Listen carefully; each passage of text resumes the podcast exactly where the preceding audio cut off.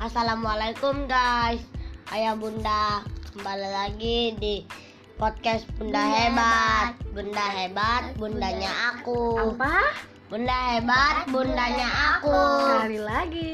Bunda Hebat Bundanya aku. Yeay.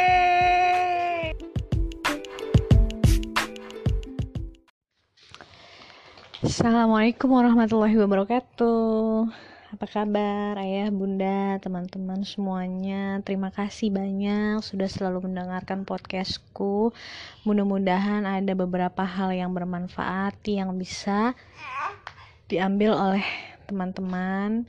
Kemudian aku juga mengucapkan selamat menjalankan ibadah puasa. Semoga puasanya dilancarkan dan diberikan keberkahan oleh Allah Subhanahu wa taala dalam menjalani ibadah-ibadah lainnya. Nah, aku sempat posting ingin membahas tentang bagaimana caranya aku mengajarkan anakku dan mengajak anakku berpuasa sejak kecil dengan cara yang menyenangkan gitu. Nah, aku mengajak anak-anakku berpuasa itu memang dari usia mereka sangat kecil ya. Jadi di usia mereka 2 tahun ketika mereka sudah mulai bisa berkomunikasi jauh lebih lancar dibandingkan sebelumnya itu karena biasanya anak-anak 2 tahun itu mulai banyak ya berkomunikasi dengan orang. Aku mulai memberikan ya memberikan pengertian-pengertian tentang puasa bukan dengan cara yang menyulitkan mereka gitu memberikan informasi bahwa kamu tahu puasa itu apa? Puasa itu artinya gitu tidak seperti itu. Tapi aku memberikan informasi kepada mereka dengan kegiatan yang aku lakukan. Nah ketika mereka sedang sarapan ya mereka sedang sarapan aku sambil suapin aku aku biasanya sambil bercerita pada mereka. Aku bilang sama mereka kamu tahu nggak bahwa hari ini adalah bulan suci Ramadan gitu. Bulan suci Ramadan itu di bulan suci yang sangat menyenangkan. Bulan yang dinanti-nanti karena bagi orang-orang muslim kita akan menjalankan ibadah puasa selama satu bulan. Mereka tidak mengerti puasa itu apa, bulan suci Ramadan itu apa, tapi aku bercerita mengalir apa adanya saja gitu. Karena mereka akan menangkap pengertian itu seiring dengan berjalannya waktu. Gitu ya. Aku bercerita, "Bunda, hari ini lagi puasa. Kamu tahu puasa itu apa?" Jadi nggak diberikan informasi secara detail. Aku memberikan informasi puasa itu ya bunda nggak makan nih. Sekarang ade lagi makan sekarang abang lagi makan tapi bunda nggak makan. Gitu karena bunda lagi puasa. Jadi puasa itu nggak makan. Nah cukup sampai di situ saja aku menjelaskan tentang pengertian puasa pada anakku saat mereka usia 2 tahun ya. Dan itu aku ulang-ulang di uh, sepersekian hari ketika berpuasa gitu agar itu masuk ke dalam alam bawah sadarnya mereka. Di usia mereka yang ketiga aku mulai mengenalkan mereka lebih dalam lagi tentang pengertian puasa. Jadi aku menjelaskan karena mereka sudah mampu bertanya di usia segitu itu ketika aku nggak makan mereka tanya kenapa bunda nggak makan? Kenapa ayah nggak makan? Kenapa kok kalau misalnya maghrib banyak makanan gitu. Nah di situlah aku menjawab pertanyaan-pertanyaan mereka gitu. Aku, walaupun mereka nggak bertanya biasanya aku langsung menjelaskan. Bunda sedang berpuasa loh. Kamu tahu berpuasa itu apa? Puasa itu tidak makan dari habis subuh sampai dengan maghrib. Cukup sampai di situ. Karena mereka butuh pengertian secara sederhananya gitu ya Nah, kemudian aku mengajak mereka untuk ikutan. Kamu mau ikutan puasa nggak?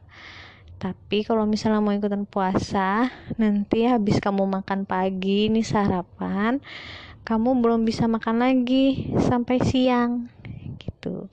Jadi nanti siang baru bisa makan lagi. Setelah itu terserah kamu mau makan lagi boleh, tidak makan lagi pun boleh gitu. Jadi mereka diajarkan untuk mengaplikasikan itu sedikit demi sedikit Nah, ketika mereka berusia 4 tahun, barulah aku mengenalkan apa itu hmm, puasa yang sesungguhnya gitu ya. Jadi mereka aku ajarkan untuk ikutan berpuasa walaupun terkadang hanya setengah hari, kadang juga sampai full gitu. Nah, bagaimana nih mengajak mereka untuk sahur ya. Karena biasanya sahur itu jadi PR buat orang tua.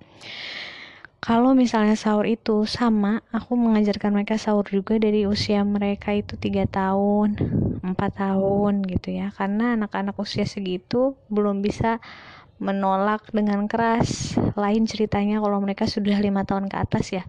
Ketika dibangunkan ada yang marah mungkin ada yang menolak dengan keras gitu. Tapi untuk anak-anak di bawah lima tahun biasanya hanya mereka sesaat aja gitu. Setelahnya mereka dialihkan fokusnya itu bisa mengikuti ya atau bisa melupakan rasa kantuknya sejenak gitu jadi aku suka bangunin aku ajak aku ajak mereka kasih makanan yang mereka suka jadi sudah aku siapkan dulu nah di situlah mereka ikut sahur bersama gitu ketika usia 4 tahun mereka sudah mengerti bahwa sahur itu dilakukan agar mereka bisa mengisi energi nih di dalam tubuh mereka. Jadi mereka bisa kuat puasanya. Jadi diinformasikan.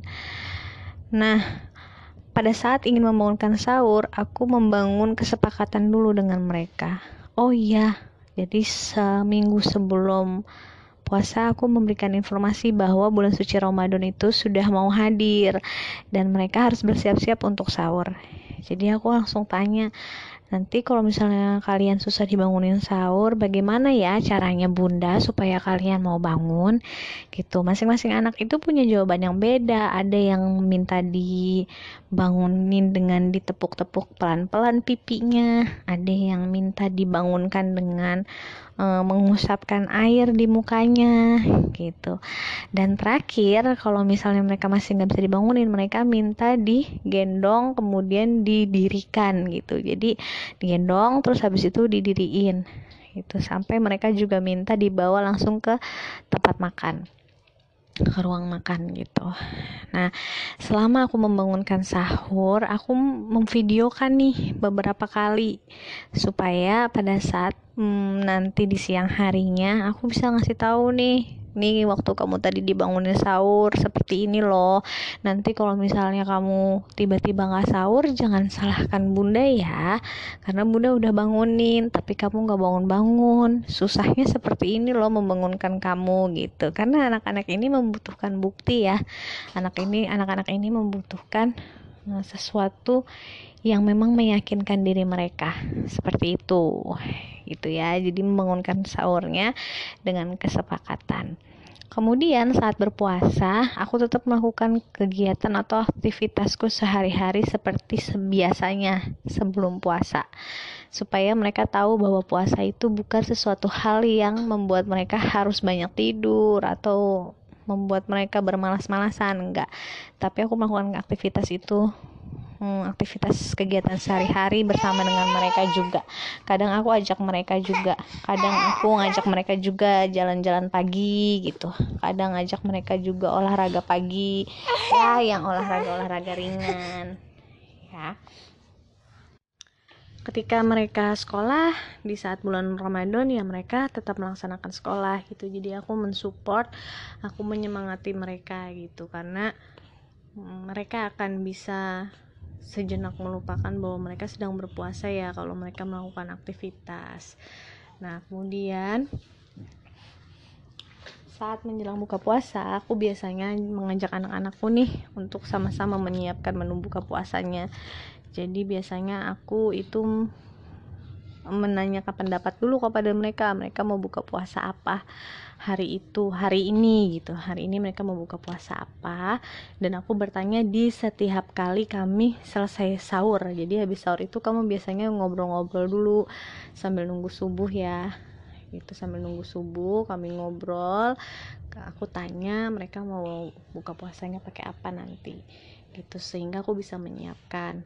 Nah ketika menjelang sore, sore menjelang buka puasa kami menyiapkan itu bersama-sama. Jadi mereka itu sangat senang gitu ya. Mereka sangat senang karena setiap kali buka puasa kan biasanya menu makanannya jauh lebih banyak ya. Jadi itu juga yang memotivasi mereka untuk bisa ikut puasa bersama-sama gitu kemudian uh, aku melakukan ibadah harian nih bersama dengan anak-anakku. Jadi bareng-bareng gak sendiri-sendiri. Kalau misalnya aku ngaji mereka juga sama ikut ngaji. Jadi kita tilawah bareng kemudian kita sholat ber berjamaah kemudian kita juga murojaah sama-sama gitu. Nah biasanya kan dari sekolah juga ada ya list-list ibadah Ramadan, ibadah harian. Nah, itu aku tempel, aku kasih informasi ke mereka bahwa teman-temannya juga sama melakukan hal itu. Jadi mereka juga termotivasi gitu bahwa oh, teman-teman juga melakukan hal yang sama ya gitu. Nah, setelah setelah mengadakan ibadah harian, aku biasanya kasih reward sih buat mereka ya. Jadi Nah, sebelum ibadah Ramadan aku biasanya berbelanja nih membelikan beberapa snack kesukaan mereka.